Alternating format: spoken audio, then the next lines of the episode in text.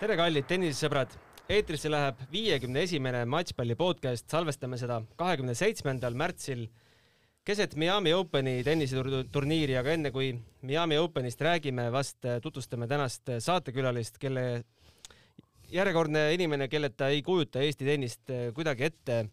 sellised saated siin vahel on, vahel on saanud päris eriliseks ja arvan, et tänane saade samuti tuleb väga eriline, meil on saates kuidas nüüd sinu kohta öelda, ESPL-is ehk spordibiograafilises leksikonis oled sa sporditegelane ja ajaloolane. Eesti tenniserahvas tunneb sind endise Tenniseliidu tegevjuhina, presidendina ja suure tenniseentusiastina kahtlemata. tere, Jaak! kõik on õige, et mängijana kahjuks ei tunta mind. no sellest me saame, Jaak, vast rääkida, miks mängijana ei tunta Jaak Ullmann siis täna stuudios ja minu paremal käel endiselt äh, kaassaatejuht äh, Riho Kallus, äh, kes eelmise saate pidi vahele jätma teatud põhjustel. tahad kommenteerida? ei ole midagi kommenteerida, kurb aga. aga anname andeks. anname andeks. loodetavasti no. mitte Covid ei, mitte Covid. kaugel, kaugel sellest. Jaak, enne kui tuleme sinu personaalküsimuse juurde. Äh, kui, kui tihti sa hetkel vaatad äh, meie piigade esitusi äh, kaugel Ameerika maal? Kaia Kanepi kahjuks eile kaotas, aga Anett Kontaveit võitis vapra võidu välja Sorana Kirstea vastu. kolmesetiline peaaegu kaks tundi lahing. mis mulje jättis? no kõigepealt ma ütlen, et ma vaat-, Uhu on kadunud heli või on olemas jah. Kõigepealt pean ütlema, et ma vaat-, ikka kaob ära aega. on olemas, nüüd, nüüd on olemas. jah, et vaatan nii palju kui võimalik, nii palju kui meie kanalid üle kannavad ja kui meie omad ei kanna, siis otsin taevakanalit, kust neile pihta saab. Ja viimases hädas siis ka läbi interneti, nii et see on ju osaliselt minu töö, nii et mul on vaja mitte ainult neid vaadata, mul on vaja neid ka kuidagi salvestada sa salvestad nad äh, ainult paberkujul või ka salvestad äh, televisiooni kujul? video, videos video. sest äh, ma kasutan neid lõike pärast nendes aastakroonika filmides ja selleks on mul ju algmaterjali vaja. nagu teate, et äh, videos võib nii palju juttu plärada, kui palju sul on pilti ette panna. kui emotsionaalne tennisevaataja sa oled? Noh, eks ikka, kui meie piigad kaotama hakkavad, siis panen suitsu ette küll. Riho, jõudsid ka vaadata Aneti ja Kaia esitusi? jaa, jõudsin, vaatasin eile mõlemat mängu, küll, küll pidin eile ka ATP turniiri matše kommenteerima televisioonis, aga sain, sain vaadata ka Eesti tüdrukuid ja vaatasin ka netimängu lõpuni, nii et jah, mina vaatasin Aneti mängu ainult esimese seti, aga Kaia mängu vaatasin täielikult ja olin muidugi väga murtud, et ta, et tema murdus kusagil seisul neli-kaks esimeses setis. jah, kuulajale ka, kes siis äh, veel kursis ei ole, siis äh, Kaia Kanepi Jelena Rõbakina vastu Kasahhi esindaja, aga on vist vene taustaga, eks? Ta on Moskvas sündinud, aga kuna ta noorena ei sattunud äh, Vene nii-öelda tenniseliidu vaatevälja, siis ta nagu paljud Vene mängijad läksid Kasahhi alla ja, ja, ja seal sai rahalist toetust ja nüüd ta esindabki Kasa-, Kasahstani, aga muidu ta on Moskva tüdruk. No Kaia siis oli neli-kaks eduseisus, aga siis järgmised kümme geimi kahjuks kukkusid Rabakinale noh, läks selle mänguga nagu läks, peaasi, et Kaia on terve, nii palju kui Indrek Tussitiga öösel sai räägitud ja plaanis on siis minna edasi Charlestoni, mis algab, oli vist kolmas aprill ja sealt edasi, edasi loomulikult suured turniirid terendavad meil ju silmapiiril, et ei ole ju kaugel French Open ja Wimbledon ja kes teab, mis sellest olümpiast veel sel aastal saab, aga Jaak, alustame siis kuidagi sinu eluloo lahti seletamist, kuidas, kuidas see tennisepisik sind kätte sai, kus sa mm. sellega nakatusid, kus see huvi tekkis? Mm. no võin öelda nii, et mm, mul on kaks tulekut tennisesse, esimene ebaõnnestus, aga teine õnnestus. ma olin maapoiss ja tulin Tallinna, Tallinna Polütehnikumi õppima kui esimest korda Toome puiestee väljakutel nägin tennist ja olin äh, algusest peale absoluutselt lummatud ja siis nädala lõpul koju läksin, ütlesin isale, et ma nägin ühte nii kihvti mängu, et ma tahaks ka mängida. aga isa nagu pragmaatiline maamees ütles, et saad nagu leius, siis ostan viis tükki. ja sellega esimene minu tennise juurde tulek äh, piirduski. kuigi ma olin siis juba viieteistaastane, nii et mängija jaoks ikka juba täiesti vanakene aga teist korda, siis ma vahepeal õppisin Peterburis äh, ülikoolis ja seal ma tegelesin hoopis mäesuusatamisega ja, ja tennise mängimise võimalusi tol ajal Peterburis ei olnud eriti, ei olnud eriti paremad kui meil.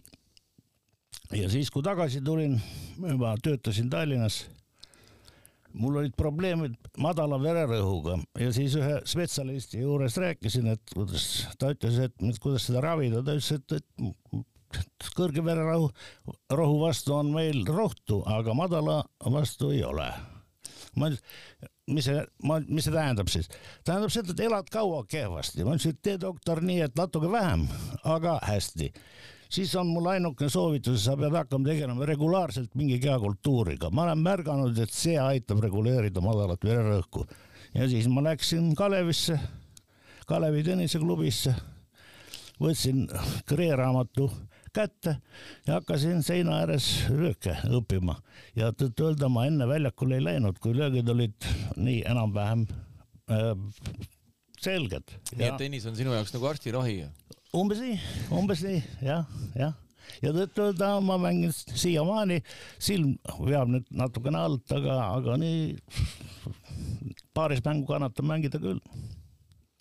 aga kui äh, kõrgele tasemele siis äh, mängija või harrastajana jõudsid oh,? on, on see mõõdetav? no ei, ma veteranide klassis äh, paar äh, pronksmedalit olen paaris mängus võitnud, mitte enam, aga ma üldiselt vähe turniire mängin. aga juhtus siis äh, noh, daatum on kaheksakümmend üheksa aasta, juhtus siis nii, et te sattusite tennise juurde tenniseliidu tegevjuhina enne seda olid tegutsenud Suusaföderatsiooni mäesuusatamiskomisjoni esimehena mis Eesti mõistes kõlab päris, päris pungilt nojah, asi oli selles, et kuna ma ise õppisin seal Peterburis päris korralikult suusatama ja siis kuna mul, kui mul sündis poeg, siis panin ta juba päris pisikese põnnina mäesuuska sõitma ja, ja, ja, siis ta põrguline soovis minna üldse õppima Otepää tsikki et päris professionaalselt, sest seal oli vähemalt Munamägi olemas, siin ei olnud sedagi.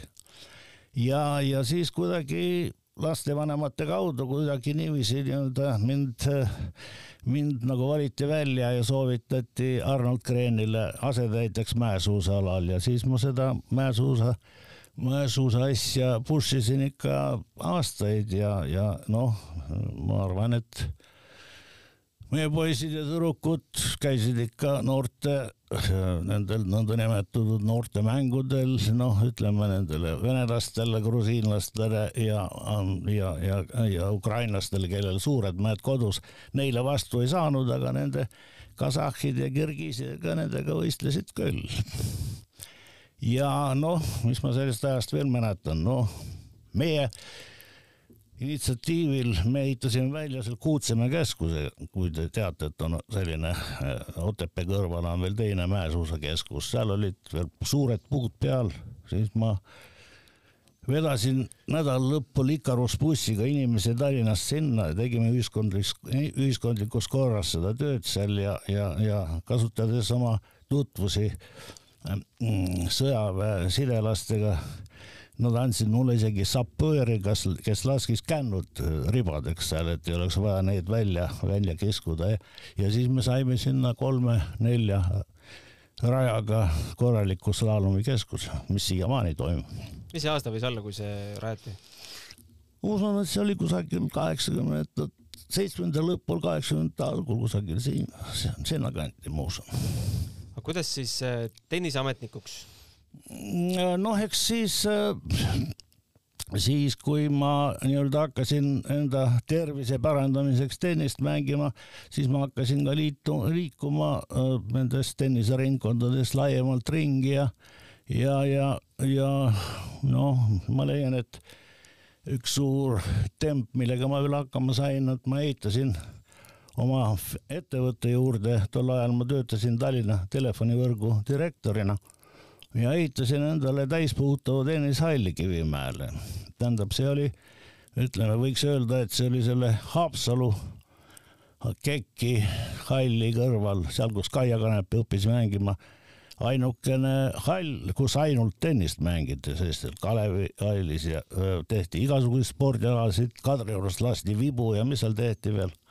aga seal mängiti ainult tennist ja, ja siin, seal ei olnud mitte asfaltväljak, vaid seal oli selline materjal nagu regupool. see on selline kümne millimeetri paksune staadioni kattematerjal, mida Nõukogude Liidus välja lasti ja me liimisime selle asfaldi peale, nii et seal, seal oli väga mõnus mängida. kuidas ta iseloomult äh, millega ta... praegu võrrelda saab? see on midagi sarnast nagu Taraflexile või midagi, jah? ja ainult, et ta, ta, ta ei ole ju tennise jaoks tehtud, ta on tehtud staadionite jaoks ja siis tal oli väga äh, kummaline põrg esialgu, tähendab eriti lõigatud pallid, nad põrkasid hoopis teistmoodi kui peaks ja siis me leidsime võimalusi, värvisime selle reegupalli üle ja siis muutus kõik täiesti normaalseks. jalgadel oli väga mõnus pehme mängida ja mis teine asi, seal võis mängida nii palju, kui süda lustis aga ikkagi tenniseliidu juurde, kes kutsus? ja, ja siis no niiviisi niiviisi ma sain juba nii-öelda tenniseringkondades nii-öelda tuntuks ja, ja, ja siis mingil ajal, ma ei mäleta, millal, millal see täpselt oli. see oli ilmselt siis, kui Tiit Nuud oli Tenniseliidu president, mind kutsuti juhatuse liikmeks. ja, ja ja, ja siis olid, siis tulid kätte need üleminekuajad seal, seal, seal, seal juba kaheksakümnendate lõpp ja, ja tõtt-öelda mulle poliitika pole kunagi meeldinud ja siis äh, mul äh, tüütas ära see tele, telefonivõrgus töötamine ka. iga päev oli ühes saalis oli rahvarinde koosolek, teises oli interrinde koosolek ja siis mina olin seal nagu mingisugune arbiiter vahel, nii et see viskas mulle nii ette, et et, et äh, kui Nuudi hakkas loom-, taastama tenniseliitu, siis ma ütlesin, et võta mind tegevjuhiks sinna ja Nuudi oli kohe nõus ja, ja ta oli algul küll natuke ime, imestunud, aga, aga nii ma läksingi sinna ja sa, sain tegevjuhiks sinna. Eesti Tennis sada raamatus on selline fakt kirjas, et äh, Tenniseliit oli Eesti spordialaliitudest esimene, kes sai uuesti jalad alla. ja täiesti õige. mis äh, asjaoludel, mis teised munesid siis?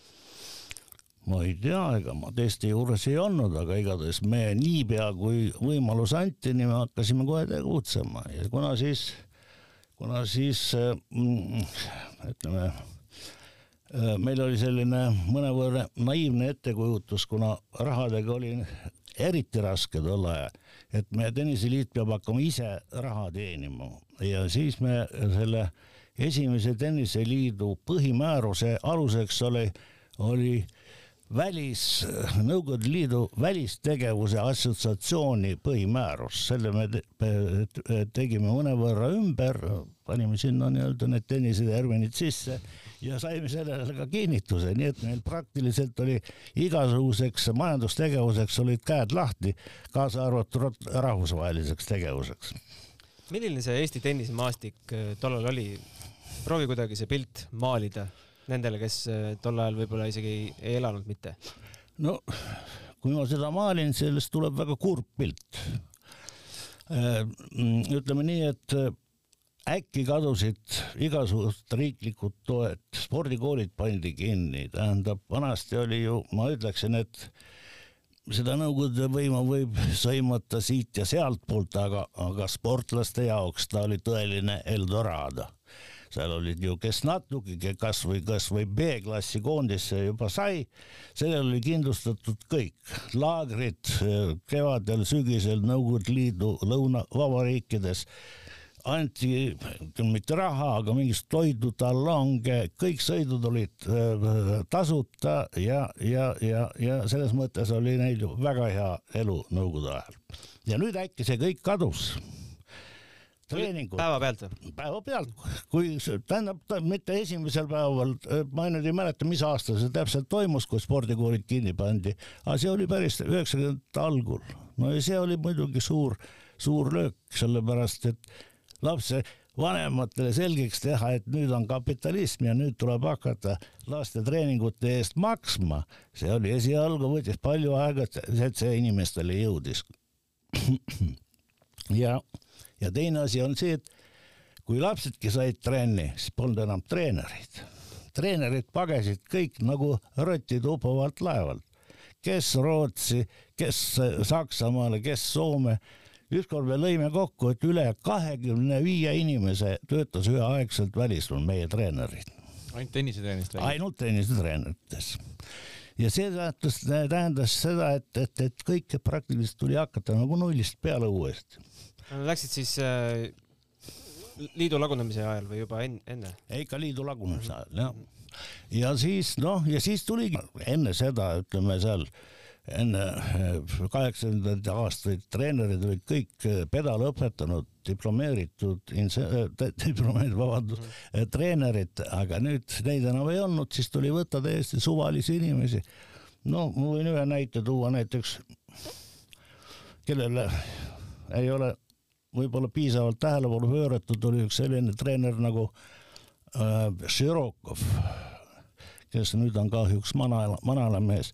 ta oli tipi lõpetanud hoopis teise eriala, teise eriala, eriala inimene meie seltskonnaga koos õppis tennist muuseas mängima. ka muuseas Vladimir Ivanovi treener olnud. ja mitte ainult ja, Jul, Julia Matojanit ja, ja, ja, ja Kajane Vage ja tähendab kõik sellised, ütleme Eesti kümne mängijat, ta oli väga produktiivne ja kusjuures ta oli väga sellise, ma ütleksin niisuguse hää mõtlemisega eh, ta andis endale aru, et, et ta on treener isehakanu ja siis, kui ta viis oma lapse teatud tasemeni, ta ise otsis äh, treeneri, kes oli ütleme niiviisi, noh, tol ajal hakkas juba mõned ka tagasi tulema ja mõned olid ka jäänud, otsis võimalust, kuhu oma last edasi suunata, nii et toidud mis tava, on ju tavaliselt treenerites tavaline, et hoitakse küünte ja hammastega oma andekast lapsest kinni, aga äh, Sirokovil seda ei olnud, ta andis oma lapsed kõik see on, edasi. äh, see on huvitav fakt, sa rääkisid, et sinu kokkupuude oli kunagi Harju-Oru tennisega esimest korda läksid. mul oli täpselt sama kokkupuude esimese, esimene tennisetreener, kellega ma üldse kohtusin, oligi Žirokov ja ta oli siis Harju-Orus treener, ma mäletan. Tol ajal, kui seal Andrei Luškin pidas seal mingit tennisepoodi veel midagi. Jaak Vahter oli vist juhataja. ja just, just, et, et, et mina mäletan ka väga hästi, kuidas ma noore Saaremaa poisina mm -hmm. esimest korda sain kellegiga tõsist tennisejuttu rääkida, see oli Žirokov, et väga hel-, helged mälestused Jaak, äh, aga äkki loeme korra kokku võib-olla kahe käe sõrmedel, kui palju tol ajal oli üldse äh, mänguvõimalusi, aastaringseid mänguvõimalusi Eestis ten tennist mängida? Noh, Kadriorus oli kaks väljakut, Kalevi hallis oli poolteist väljakut, üks oli paarismäng, teine oli äh, üksikmänguväljak, siis Hiiu. räägime praegu ainult kinnistest. jah, kinnistest ainult jah, jah. no siis tähendab Kaie Kanepi äh, hall seal äh, Haapsalu kekki oma Haapsalus oli üks väljak, siis äh, see meie hall seal Kivimäel ja Nõmme. Nõmmel pandi see plekist angaar üles ja. Nõmmel ja samasugune angaar oli ka Rakveres, see tuli kusagil kaheksakümnendate keskel vist. kuus kohta jääb Tartu. Tartus minu teada ei olnud. Tartus ei olnud üldse ei olnud, nad käisid mingid, mingid keskkooli võimlates mängimas. ja, ja vist oligi kõik või? me saime praegu kuus kohta. ja, ja ja see, see, see, see, see ja sel ajal tehti tööd ja olid tulemused ei olnudki eriti halvemad, tähendab, nii et aga parakud. keeruline on mitte ainult äh, noortespordil, vaid ka meie enda tipud äh, ei saanud ju väga piiri taga käia, et äh, seda seda raha, mille eest, mille eest reisida ei olnud? ei no tähendab, selles oligi asi, või üks asi, tähendab veel võistlused kukkusid ära, ennem olid ju terve, terve kalender Nõukogude Liidu kõikide vanuseklasside võistluskalender, kus nad käisid kogu aeg, pidevalt olid need võistlused. palju võistlusi oli ka Tallinnas, kuhu teised kokku tulid. nüüd kõik see langes ära. ja raha, et välismaale minna, ei olnud lastevanematel, ei olnud tenniseliidul ja siis me Jüri Põldojaga lõime selle Grand Prix süsteemi, mis siiamaani muuseas toimib, nii et hakkasid toimuma need GP turniirid erinevates vanuseklassides üle Eesti. nii et see nagu päästis natuke paisu tagant seda võistlemisnälga. kes meie toonased tipud olid, kes oleks võinud äh, välismaal läbi lüüa? no Vahkal. no tol ajal ju tegelikult kaheksakümnendate lõpp oli ikkagi ju Andres Võsandi tippaeg ju. no And Andres Võsas muidugi elas tol ajal juba Saksamaal, ta ei elanud siin, ta võttis juba sealt äh, naise või, või oli vähemalt pruut tol ajal, nii et tema elas seal, aga, aga meil olid veel tegevmängijad Aivo Jassalu, äh, Vahkal, Lužgin, Sten Sumberg noh, ütleme see võib-olla, võib-olla jätan kedagi praegu nimetamata, ei tule meelde. ja tüdrukutest olid seal tol ajal Poljakova, Helen Holter oli muidugi selle teistest peaaegu üle, kes võitis kaheksa või üheksa korda Eesti meistrivõistlused. ja siis oli terve seal, seal, seal. Piret. Piret Kallas ja Katrin Sepp kas, kas saab üldse spekuleerida, mida nad oleks võinud Euroopa maailmatasemel korda saata, kui, kui vahendeid oleks jätkunud? no selle, selle põlvkohta, põlvkonna kohta mm, no raske öelda, aga, aga noh Vahkal näiteks oleks paarismängus võinud kindlasti jõuda väga kõrgele. noh, etteruttades võin ka öelda, et, et me püüdsime lüüa, luua sellise projekti spetsiaalselt Vahkali kaudu. siin oli mingisugune turniir, siin oli Davis Cupi matš Läti, Lätiga ja, ja ja Pääro ja, ja, ja Peets, jah Pääru ja Peets on sellised tennise nii-öelda funktsionäärid, tol ajal kuulusid Tenniseliidu juhatusse. Ja rääkisime äh, Zeldega, lätlasega, kes oli samuti päris korralik paarismängu, et hakake Vahkaliga koos paari mängima, sest Zelde oli ka, ta ei olnud eriti heade tehniliste, füüsiliste võimetega, lühikest kasvu, aga paarismängu mängis väga hästi. Ja, ja siis leppisime kokku, et, et, et teevad ühe turniiri koos paaris mängus. Ja Peets ja Pääro korraldasid selle finantseerimise. ja et kui see meeldib kõigile, et siis hakkame otsima sponsorid ja paneme nad nii-öelda paaris mängus tööle. Vahkal otsustas, et tol ajal palju kergem on, on teenida raha ettelöömisega ja, ja ei ilmunud nii-öelda sellele turniirile välja aga ühel hetkel sai sust äh, mitte ainult tegevjuht, vaid äh, president. Äh, miks, miks sihuke vangerdus mm.? no juba, juba näitasin ennast selle tegevjuhina, et, et ma suudan midagi siis korda saata.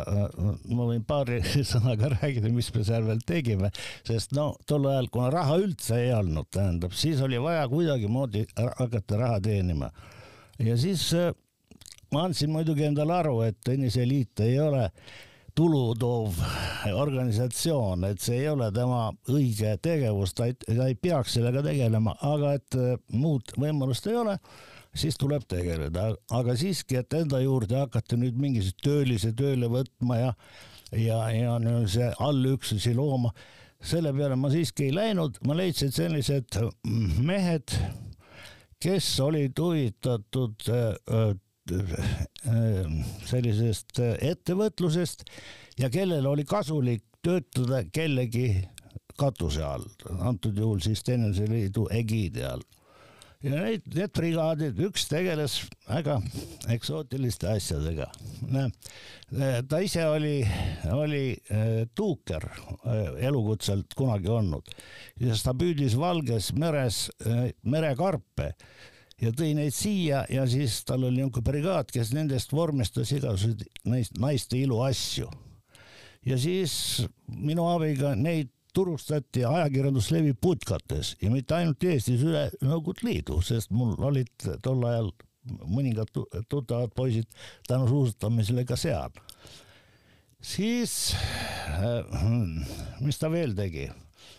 Me andsime välja äh, kalendreid esimesi, nagu nüüd, nüüd on igal ettevõttel sellised klantskalendrid, aga me, me andsime välja sellise, ütleme niiviisi, erootilise kallakuga kalendrid, ütleme niiviisi. ja need läksid kui soojad saiad ja siis me andsime välja muuseas Katõni raamatu vene keeles. teate, mis Katõn on, seal, kus Poola ohvitserid maha lasti esimese, teise maailmasõja ajal. Ja see raamat oli, oli vene keeles välja antud ja trükkisime selle ära ja samuti Ajakirjandusliidu nende kioskite kaudu müüsime Venemaal maha. ja siis äh, poisid said päris rikkaks aga meil oli kokkulepe siis selline, et kümme protsenti tulust nad andsid tenniseliidule ja teine, teine brigaad oli selline, kes tegeles kõigiga, ostan, müün ja vahetan, müüsid, tõid kusagilt Ida-Saksa hakkas laiali minema, sealt tõid televiisoreid, müüsid need siin maha. Baltikas õmblesid meeste ülikondi, müüsid Venemaal maha, tähendab, ja ükskord oli väga naljakas lugu, tõid kuskilt, kusagilt ma ei tea, kas Moldaaviast või, või kusagilt lõunast lõid terve kuradi selle äh, rekatäie, rekatäie arbuuse ja hakkasid kohe tänaval müüma, sest tol ajal ju mingisugust tarbijakaitset või, või õieti ei olnud aga siiski üks ilmus välja, hakkas huvi tundma, et mis, mis asjad te siin müüte, et kes te olete, me oleme tenniseliidust. mis te siin teete, et müüme ja siis poiss hädas helistas mulle, et, et, et, et mis nüüd teha, et on mingid mehed käivad siin ringi ja tunnevad huvi. ma küsisin, palju sul järgi on jäänud, natukene on mine vii see lastehaiglasse, ma helistan sinna ette, annetame need lastehaigal ja helistasin teise telefoniga Õhtulehte, et me teeme sellise akti. Need tegid kohe kirjatükki, et Tõnis Liit annetas lastehaiglale arbuuse ja niiviisi me pääsesime sellest karistusest aga mis see karistus oleks olnud siis? no ma ei tea, aga keegi ei tulnud karistama ühesõnaga, siis toimus selline peen sponsorlus, võib nagu nimetada? noh, ei noh, sealt oli ikka majandustegevus, ainult et see, see mehhanism oli nii, et nad ei olnud mitte meie töötajad, aga me saime protsendi nende kasumist ja nendel oli kasulik kasutada meie silti, välissilti, sellepärast mingisugune eh, üleliiduna eh, ajakirjanduslevi ei oleks iialgi võtnud mingisuguse kooperatiivi tooteid äh, sinna müügile, aga kui on Eesti NSV Tenniseliit, see mõjub palju paremini ma lugesin, et selles Eesti Tennis sada raamatus on kirjas, et te asutasite erinevaid allüksusi, aga ma ei kujutanud ette, et need, et seal selline lugu taga on see oli just selline, selline jah. aga ühesõnaga kaheksa aastat olite Eesti Tenniseliidu president. Oli see, oli see amet, mida te ainult tegite või olite samal ajal ka seal Eesti Telefonis edasi või? ei, ei muidugi tol ajal ikka presidendid olid kõik kusagil tööl mm. -hmm.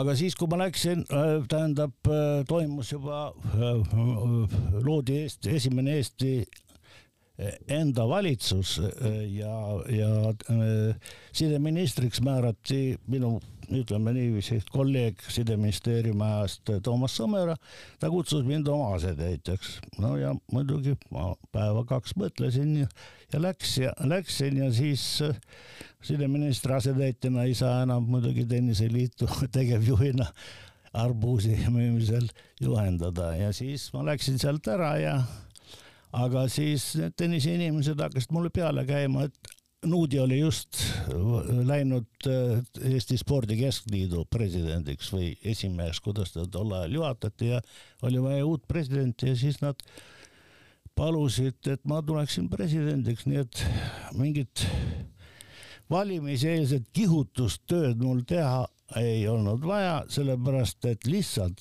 soovijaid ei olnud.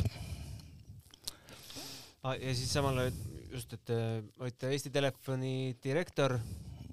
tol ajal ma olin veel äh, sideministri esimene ah. asetäitja ja siis pärast loodi Telekom, siis olin Telekomi asetäitja ja siis tuli alles Eesti Telefon, kus ma töötasin direktorina, aga see kogu see kaheksa aastat ma olin jah nii-öelda sidemehe kõrval ja tänu sellele tänu sellele tulid ka esimesed sponsorlepingud üldse tulid just sellest valdkonnast, sest ma tean, et EMT ja E- Ericsson on Ericsson ja EMT olid esimesed, kes meile nii-öelda abikäe ulatasid ja kellega me lepingu sõlmisime, jah. no ja nüüd tänapäeval on ju tennis äh, elabki sponsorite najal, võib vist päris nii öelda küll. no muidugi, ega riigi toetus on minimaalne. aga kas see statistika ja ajaloo huvi, kõik see, kas see käis kuidagi käsikäes või see oli üleminek millestki? Ei, see oli täiesti juhuslikult. no ütleme nii, et mul kirjutada on alati meeldinud, sest äh, kunagi nooruses mul oli isegi dilemma, kas peale Polütehnikumi minna ülikooli sidet õppima või minna Tartusse ajakirjanikuks õppima ja, ja, ja, ja kaua kahtlesin ja küsisin isalt, isa nagu pra pragmaatiline mees, kuigi mu tennisekarjääri rikkus ära koos leiusega, aga aga ma küsisin, mis tema arvab. isa ütles selle peale, et minu rehkenduste järgi sa oled juba kaks korda rohkem koolis käinud kui mina, nii et mina ei ole sulle mingi nõuandja. aga kui sa just minu poole pöördusid, siis ütles, selle riigikorra juures peab õppima tehnikat. no ja nii ma tegin. kuule Jaak, aga räägi korra, sul on kindlasti meeles äh, esimene rahvusvaheline võistlus, mis Eestisse tuli ja kuidas selle korraldamine välja nägi? Küsib üks turniiri korraldaja teise käest. see oli ja me tegime esimese ITF turniiri. mis aasta see võis olla? Üheksakümmend, kujutan ette, kas neli või kolm või niiviisi. satelliit, satelliitturniir oli siis veel? satelliit, satelliitturniir, satelliitturniir ja, ja muidugi raha meil selle jaoks ei olnud ja siis tähendab esimese turniiri auhinna raha andis ITF täielikult oma poolt. meie peale, meie õlgadele jäi ainult korra, korralduspool siis tähendab kohtunikud, sellised asjad, aga kogu kogu auhinnafond tuli ITF-i poolt. siis pärast tuli turniir Pärnus, siis mingil ajal nad hakkasid ainult poole rahast, auhinnarahast meile kandma ja siis üks hetk ütles, et nüüd te peate ise poisid hakkama saama aga kas sellel üheksakümne neljanda aasta turniiril juba eestlastel ka oli asja kõrgemale? ei. ei olnud? Kes need esikohad võtsid siin? ma ei mäleta. ma mäletan, et äh, Magnus Norman käis, mängis satelliitturniire. oli, Magnus Norman. treener ju, Sten Wawrinka treener. jah, Magnus Norman pikalt. osales jah. kas huvi Eesti, eestlaste, eestlaste publiku huvi tennise vastu noh, nõukogude ajal oli see ju väga suur, et kas see, see säilis ka üheksakümnendatel? ei. kuhu segadus siis? ma ei tea, tähendab, nii palju muid asju tuli juurde, võimalusi, tähendab, noh, kasvõi televiisor, mida ütleme Nõukogude, ütleme kuuekümnendatel õieti veel ei olnud, noh, tuli alles, eks ole, aga üks kanal, sealt polnud midagi vaadata. sellist huvi, et kogu, kogu, kogu Harjuaru staadioni tribüün on täiesti täis ja kogu Harjumäe nõlv oli rahvast täis, sellist asja. et see peab paika, et televisioon tapab kohalikku spordihuvi? ma usun küll, ma usun küll. et see debatt on ju tegelikult meil praegu korvpallis, jalgpallis ka üleval, et. ma usun küll, ma usun küll mugav on ju kodus vaadata milleks. ma ei, ma, mina sellest aru ei saa, ma oleks iga kell väljaku ääres karjumas, kui vähegi võimalik oleks. vaatan neid tühjade tribüünidega turniire ja kogu see emotsioon on kadunud. ja, ja seda, seda on kurb vaadata. see on väga kurb jah. jah, ja nii ta on. ei ja. ole midagi ägedamat kui Fed Cupil või ja. Davis Cupil kaasa elada. ja, ja, ja ma ütlen, et vot need kuuekümnendate aastate, kuuekümnendate aastate tähendab tenniseturniirid, mis siin Tallinnas toimusid, need olid alati täismajaga, täismajaga täis, rahvas oli hullumas. aga spordi juhtimise juurde sa jäid ju veel päris kauaks.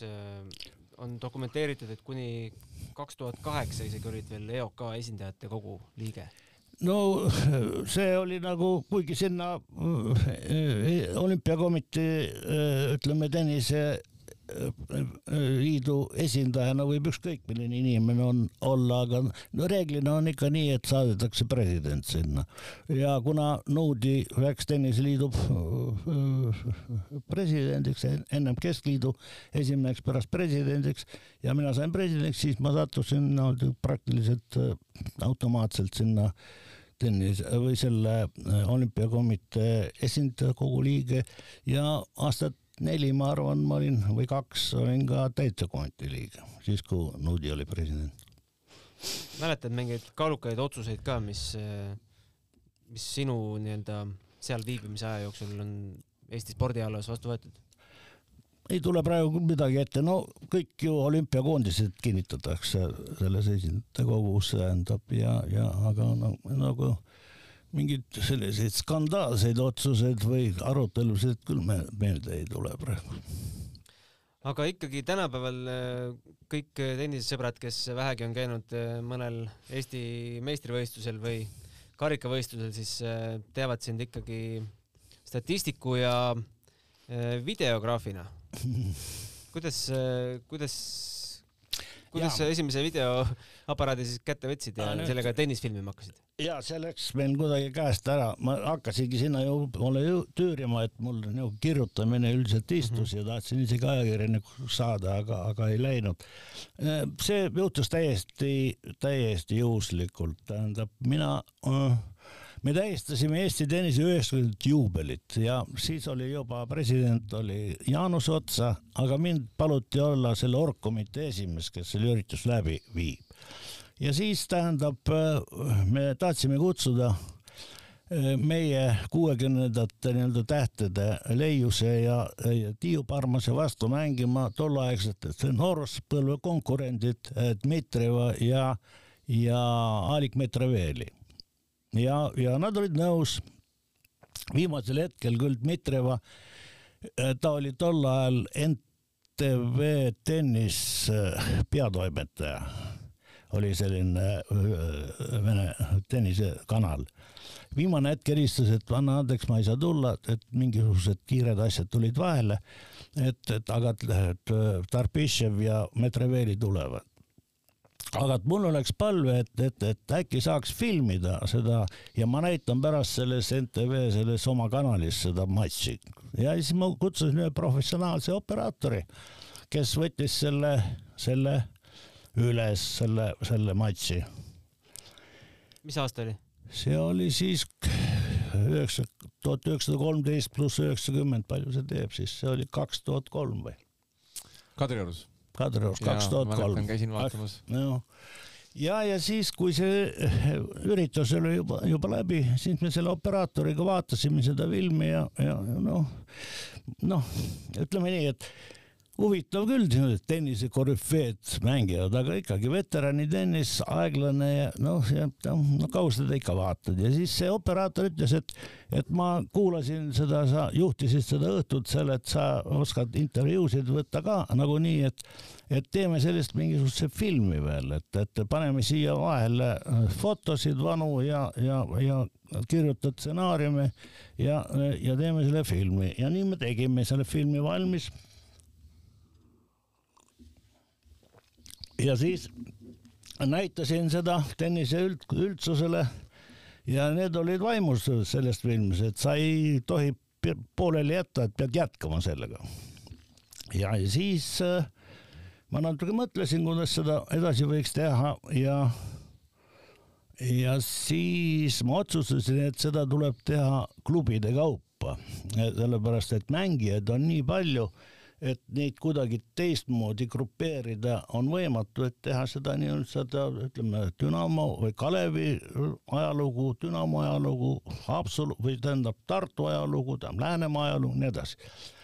nii ma otsustasin ja siis ostsin esialgu pisikese sellise, mis DVD plaadi peale äh, salvestas pilti, sellise kaamera ja hakkasin siis neid tennise, kõigepealt võistlusi filmima ja siis hakkasin otsima vanu neid tenniseinimesi üles ja nendega intervjuusid tegema, sõitsin Eestist kõik kohad läbi, kus nad elasid, tegin nendega intervjuusid.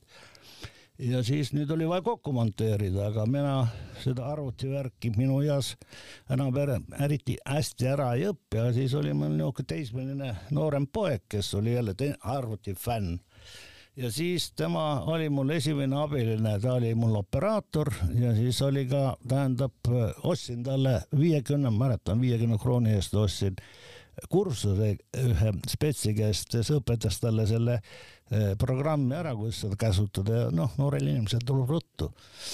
ja siis tema hakkas esialgu esimesed filmid monteeris tema ja aga siis ta kasvas suuremaks ja tal tekkisid teised huvid ja tal ei olnud minu jaoks enam aega ja siis ma hakkasin ise vähehaaval monteerima, ainult siis, kui hätta sattusin, siis ta tuli mulle appi, päästis jälle mind välja ja nii, niiviisi, nii ma tegin siis üheksa filmi niiviisi klubide kaupa. ja siis, kui kogu ajalugu oli tehtud, siis, siis otsustasin, et nüüd teen kroonikat ja siis ma nüüd teen aasta jooksul, võtan no, siin Eestis kaameraga üles kõik võistlused, mis Eestis toimuvad, tähtsamad võistlused, mitte kõik. ja siis otsin kanalitesse, televisioonikanalites, kus meie pi-, piigad ja poisid mängivad, kus vähegi võimalik on ja aasta lõpus panen siis sellise kroonikafilmi kuskil tund-poolteist, et, et antud aasta tennisekroonika kus need äh, kroonikad hetkel, on need tavainimesele ka kättesaadavad, vaadatavad? Mm, see ei ole minu, ma annan need, kui töö saab tehtud, annan Tenniseliidule üle. Riho, endine Tenniseliidu ametnik minu teada nad ei ole kuskil avalikult üleval, kogu see, kogu see materjal on Tenniseliidu käes küll, aga neid kuskil avalikult vist vaadata ei, ei saa, et see on, see on väga õigustatud küsimus, et neid võiks ju olla. jah. aga paberi ja kaustiku võtsite siis äh, selle kaameratöö kõrvalt kätte või kuidas äh, tennise tulemused hakkasid äh, kaustikutesse jõudma? noh, see tuli selle töö käigus, sellepärast et, et, et, et kui ma teen näiteks seal ütleme Virumaa tennisest filmi, tähendab, mul on vaja teada, kes ja mis tasemel klubi mängijad mängisid tol ajal ja siis tuli, oli vaja istuda raamatukogus kõik vanad ajalehed läbi vaadata, õnneks, õnneks läbi aegade juba seal kahekümnest aastast peale oli selline hea komme, et aasta lõpust koostati tennise edetabel. tähendab, see ei ole midagi taolist kui tänapäeva reiting, sest see on jooksev reiting turniiride põhjal, aga siis oli ekspertkomisjon määras turniiride põhjal, oli mingi metoodika ja siis määrati iga aasta kakskümmend või ma ei tea, mõnel aastal kolmkümmend parimat pandi järjekorda ja see avaldati ka tolleaegses, tähendab esialgu sellest Eesti spordilehes, hiljem Nõukogude spordilehes. Need olid kõik kättesaadavad materjalid ja põhiliselt kõik raamatukogu kaudu ja nii see materjal kogunes mulle ja siis, siis samamoodi edetabelid ja siis ka äh, Nõukogude Liidu edetabelid on mul olemas tol ajal, kui meie inimesed Nõukogude Liidus mängisid, nii et äh, need edetabelid koostati samamoodi ekspertkomisjoni kaudu et sinu huvi on ikkagi Eesti tennise statistika, sa ei pane neid nii-öelda maailma konteksti kuidagi? ei, ei. Äh, ja teed seda tänase päevani? tänase päevani, jah. kuigi kõik on ju internetis kättesaadav, et aga usaldad no, ikkagi kaustikut rohkem? no seda on mu enda töö jaoks vaja, sellepärast et mm. kuhugi ei ole pääseda. kas äh, oled sa ajaleheartiklites näinud äh, palju vigu ja oled sa püüdnud äh, neid äh, faktivigu ka parandada? Noh, aeg-ajalt ikka midagi tuleb ette, aga praegu konkreetselt ma ei. Toomas Leius on vist, vähemalt kunagi oli väga aktiivne ajalehtedesse helistaja ah,. võib-olla küll jah, jah. no Toomas Leius on muidugi äh, uunikum, sellepärast et sellist inimest, kes äh,, kes nii elab selle tennise ja tennisesse nii sisse, tähendab, ta mäletab kusagil kuuekümne viiendal aastal mingi turniir, ta mängib mitte ainult, mis koha ta sai, ta mäletab, mis kuradi sotiga ta seal mängis, ta on selles mõttes uunikum oli jah, kui te meil saates ka käisite, siis ta ju skoore ju mäletas ju, seise ja kõike. ja, ja. väga täpselt. aga räägime võib-olla, kui me Toomas Leiusest äh, rääkisime juba, et äkki räägiks natuke sellest kuldsetest kuuekümnendatest okay.. sul on kindlasti väga palju materjali ka sellest ajast kogutud. et see ei olnud ju ainult Toomas Leius, Eesti tennis oli ju, Eesti tennis oli väga palju häid mängijaid tol ajal. ja vot kusjuures noh, ütleme, ütleme nii, okei okay Nõukogude Liidus kusagil ei olnud eriti seda talvel mängimise võimalust, ega mitte ainult meil, aga ka mujal ei olnud. aga sellele vaatamata oli mm, tase ikka Eestis suhteliselt väga kõrge. sest Eesti on tulnud võistkondlikult kolm korda Nõukogude Liidu meistriks ja seal ei olnud mitte nii, et äh, nagu Davis Cupis kaks meest mängivad või, või, või Billie King Cupis kaks naist mängivad.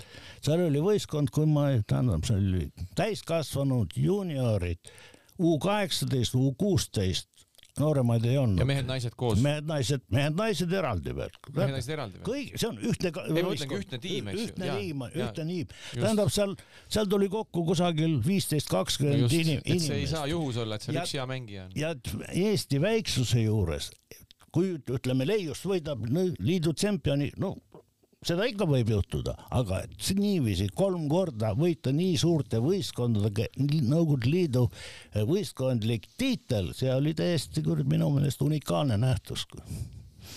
jah, äh, kui sa neid tulemusi tagantjärele kasvõi otsid välja või keegi küsib, siis äh, vaatad sa seda tulemust või nime kui lihtsalt paberil olevat äh, asja või tulevad ka järeldased mälestused kohe ette ja meenutused, äh, noh, statistika taga on ju ikka, suured lood. ikka, ikka tuleb, ikka tuleb ja, ja noh, erinevaid neid tur-, turniire, võistlusi mäletan, üks esimesi võistlusi, mis toimus Kalevi, siis oli Kalevi tennisaalis olid liivaväljakud kaks tükki, olid Nõukogude Liidu talvised äh, sisemeistrivõistlused ja ma käisin vaatamas Eesti-Gruusia matši seal Džinareishvili, Metrevelli, alles sellised noored poisikesed seal kuskil kaheksateist, üheksateist, sellised, Dmitrijev jooksis seal ringi ja, ja, ja, ja nii edasi. Ja hiljem muidugi toimusid ju igal suvel äh, sellised äh, üleliidud, üleliidulised kaks tur-, turniiri, üks suvel, teine talvel, äh, raeturniir ja, ja nii-öelda Komsomoli auhindadele turniir ja seal käisid hiljem ka ütleme Sotsleri mängijad.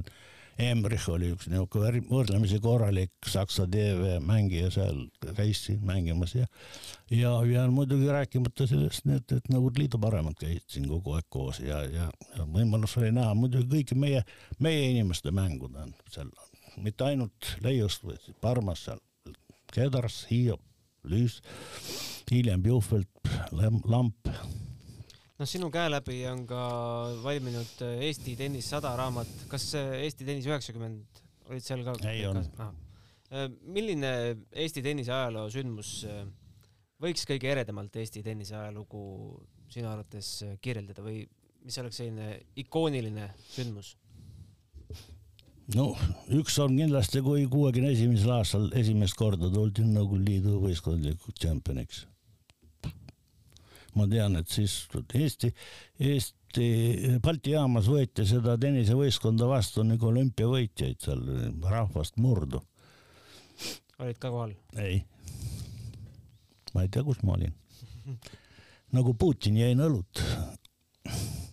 aga see, mis, mis ajal me hetkel elame, kaks, kaks naist stabiilselt saja seas Ani, Ani hakkas lõpetama, tuli kohe Anett, Kaia, Kaia on üldse Eesti tennises äh, fenomen, et äh, kas seda aega annab üldse millegi teisega, teise ajastuga Eesti tennises võrrelda, mida me praegu elame?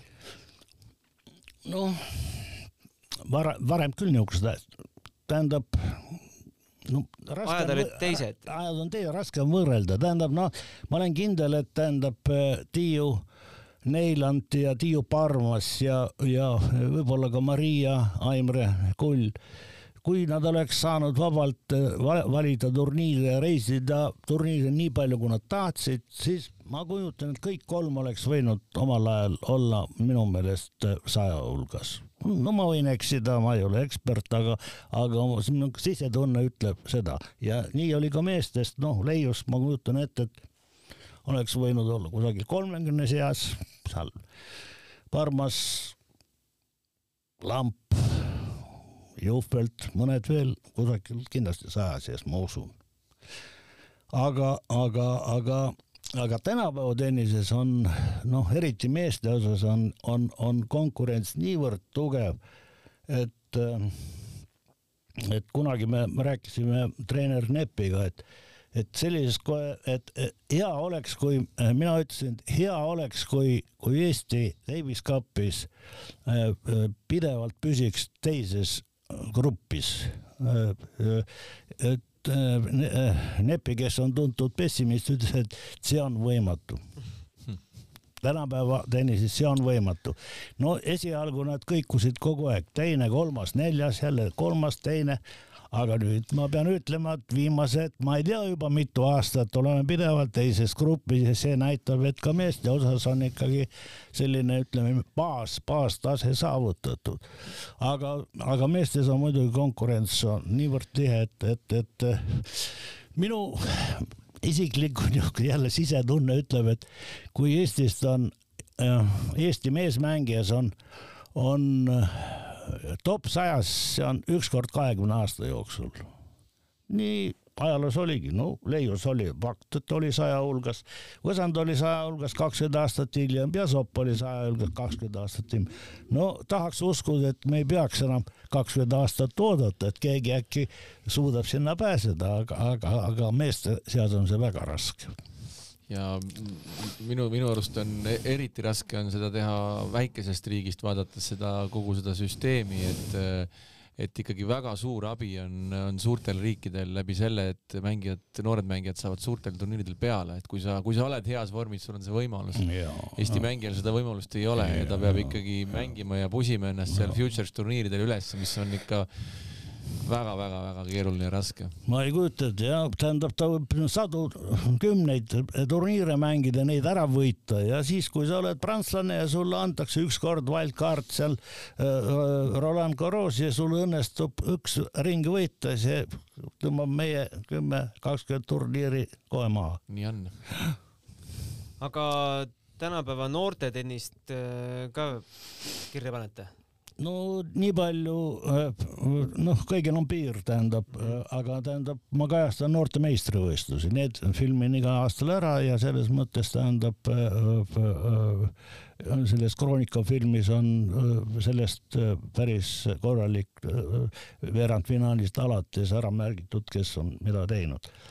aga, aga siis no statistikat, ainult Eesti meistrivõistluste kohta noorte äh, tennise statistikat no, kogun. seal äh, kaamera taga olles kindlasti sa ju vaatad ka mängu kui sellist, kellele tänapäeva noortest su silm on peale jäänud, kellel võiks ennustada suurt tulevikku hmm.? noh, kes, keda siin võib välja tuua? no Lajal muidugi, Lajal on, on on äh, täna juba saavutanud rohkem kui näiteks Jürgen Sopp äh, noorte seas, noorte seas. ja noorematest äh, hea mulje jätab see tüdruk Laura Rahnel Pärnust, väga hea mulje jätab. No ja seal tüdrukute seas on veel teisi, kes võivad välja ilmuda, aga, aga, aga noh, seda on raske öelda kuigi, kuigi kolmeteistaastased selle, et, et maailmas läbi lüüa, pead kolmeteistaastaselt vähemalt Eesti meistriks tulema, nagu seda teid Kanepi ja Kontaveit. jah, kogu seesama punt, keda sa just mainisid siin ka Brit ja äh, Laura Rahnel ja kogu see punt just eile läksid kolmeks nädalaks Tuneesiasse mängima juuniorturniiri mm, -hmm. nüüd saab siin kohe lähiajal kuulda, kuidas neil läheb. jah, jah aga Eesti tennise sponsorluses, juhtimises äh, no sa kindlasti kõrvaltvaatajana näed mingeid vigu, näed, kus saaks paremini, mida me saaks teha, et meil, et meil see noorte pealekasv ja üldse tennise areng oleks äh, veel uhkem, kui ta praegu on? sest no ikkagi kardetakse, et äh, Kaia neti taga mingi auk jääb, et mida me teeme, et need augud ei jääks nii suured? lugesin just eile viimast tennisežurnaali, kus tähendab Jürgen Sopp tunnistas, et et äh, kui tehti see Balti laevaremondi tehase tiim, äh, ma ei mäleta, mis aastal see oli, ja nad saeti Tšehhimaale treenima. no ühest küljest nad mängisid seal omavahel, nad ei olnud sellega nõus, äh, rahul eriti, aga mis Jürgen välja tõi, et tema nägi esimest korda kuidas professionaalselt peab tennisetrenni läbi viima, see tähendab, et meil seda professionaalsust ei ole üldse tähendab, meie tennisejuhid peaksid põhjalikult äh, tutvuma äh, tenniseeluga Tšehhi Vabariigis, see ei ole suur riik, palju seal on, kaheksa miljonit võib-olla või?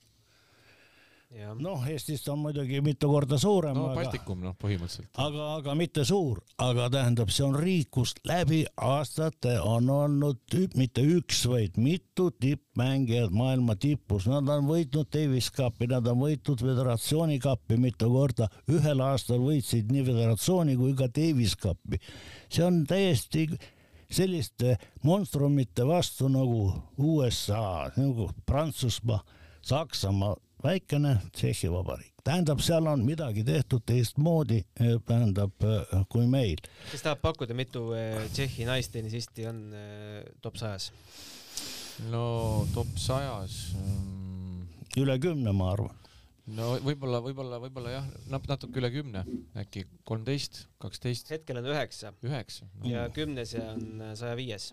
no hea näide päris see on praktiliselt, äh, see on täiesti võrdväärne, kui pannakse siia kõrvale täpselt needsamad riigid, Prantsusmaa, Saksamaa, Inglismaa, ma usun, et midagi sarnast, sest et äh, ma olen ka päris palju vaadanud ja, neid, noh, ütleme seal täna praegu meeste tennises tuleb ja. Itaalia kõvasti, Prantsusmaa on alati seal maailma tipp. Yeah.. et seal on ka niisugune suurusjärk kümme mängijat on top sajas.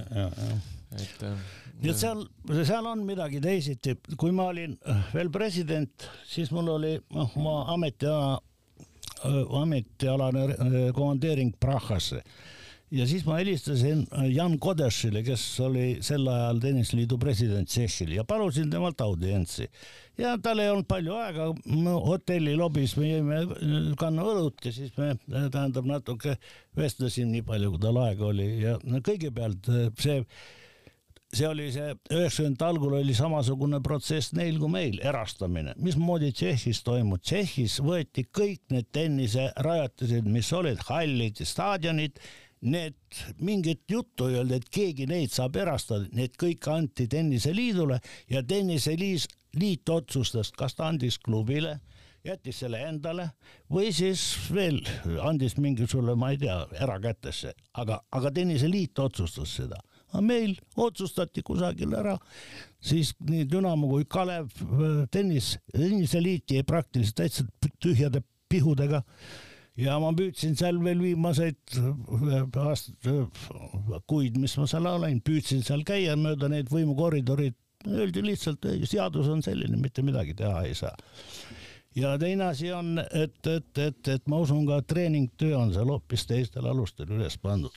sest no ütleme, ütleme ausalt, et Eestis võib lugeda ühe käe näppude ülel, peale üles selliseid treenereid, kes tõesti teevad seda tööd südame ja, ja mõistusega täiel sajaprotsendiliselt, noh, ütleme Martin Karis seal, see Kivi vist Kivirähk, Kivirähk, tähendab ja nendelt tuleb ka kogu aeg mängijaid, vähemalt Eesti tasemel tipus aga mujal käib selline konveieri töö, antakse pallid kätte ja nii edasi.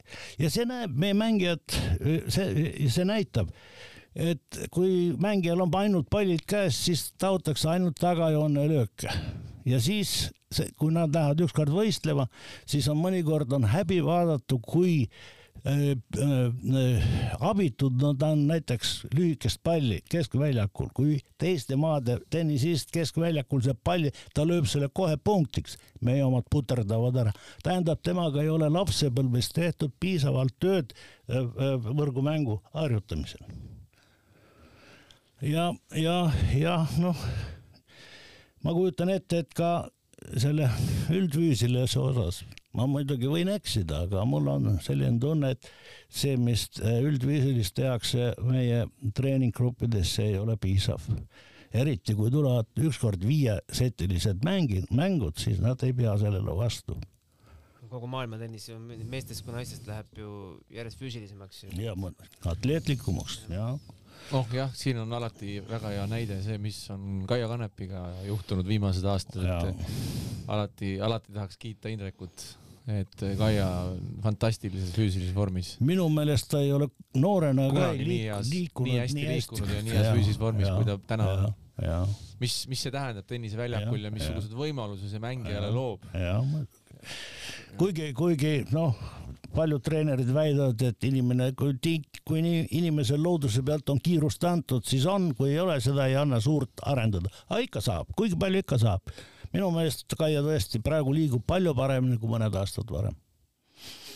nii ta on, aga me võiksime vast siia jääda tennise teemadel arutlema veel pikalt-pikalt, aga saade, nagu ma tihtipeale, kui meil see jutt hakkab jooksma, siis ma pean kuidagi, kuidagi piinlikult selle saate ära lõpetama, et me peame paraku kuskile selle piiri, piiri tõmbama, sest äh, inimestel, kes kuulavad, on ka mingid äh, võimed ja mingid piirid nendel võimetel, et suur-suur äh, aitäh, Jaak Ullmann, meile siia stuudiosse tulemast. ma soovin, et, et need videofilmid ükskord kuidagi jõuaks kasvõi mingisse muuseumisse, kõik see statistika, mida sa oled teinud, et see ei läheks raisku. kas Eesti tenniseraamatuid on plaanis veel teha või mis, mis daatumit me järgmisena ootame? tuli üheksakümmend viis oli raamat ja sada oli sada raamat. oli, noh, enne kümmet vaevalt. kakssada tuleb äh?. kakssada, kes selle raamatu ei tea, ei tea, ei tea igatahes äh, suur aitäh no, ja. sa saja puhul sai ju veel film tehtud Peeter. Simmiga koos, see kukkus päris hästi vist välja. jah, ootame, ootame järgmisi filme.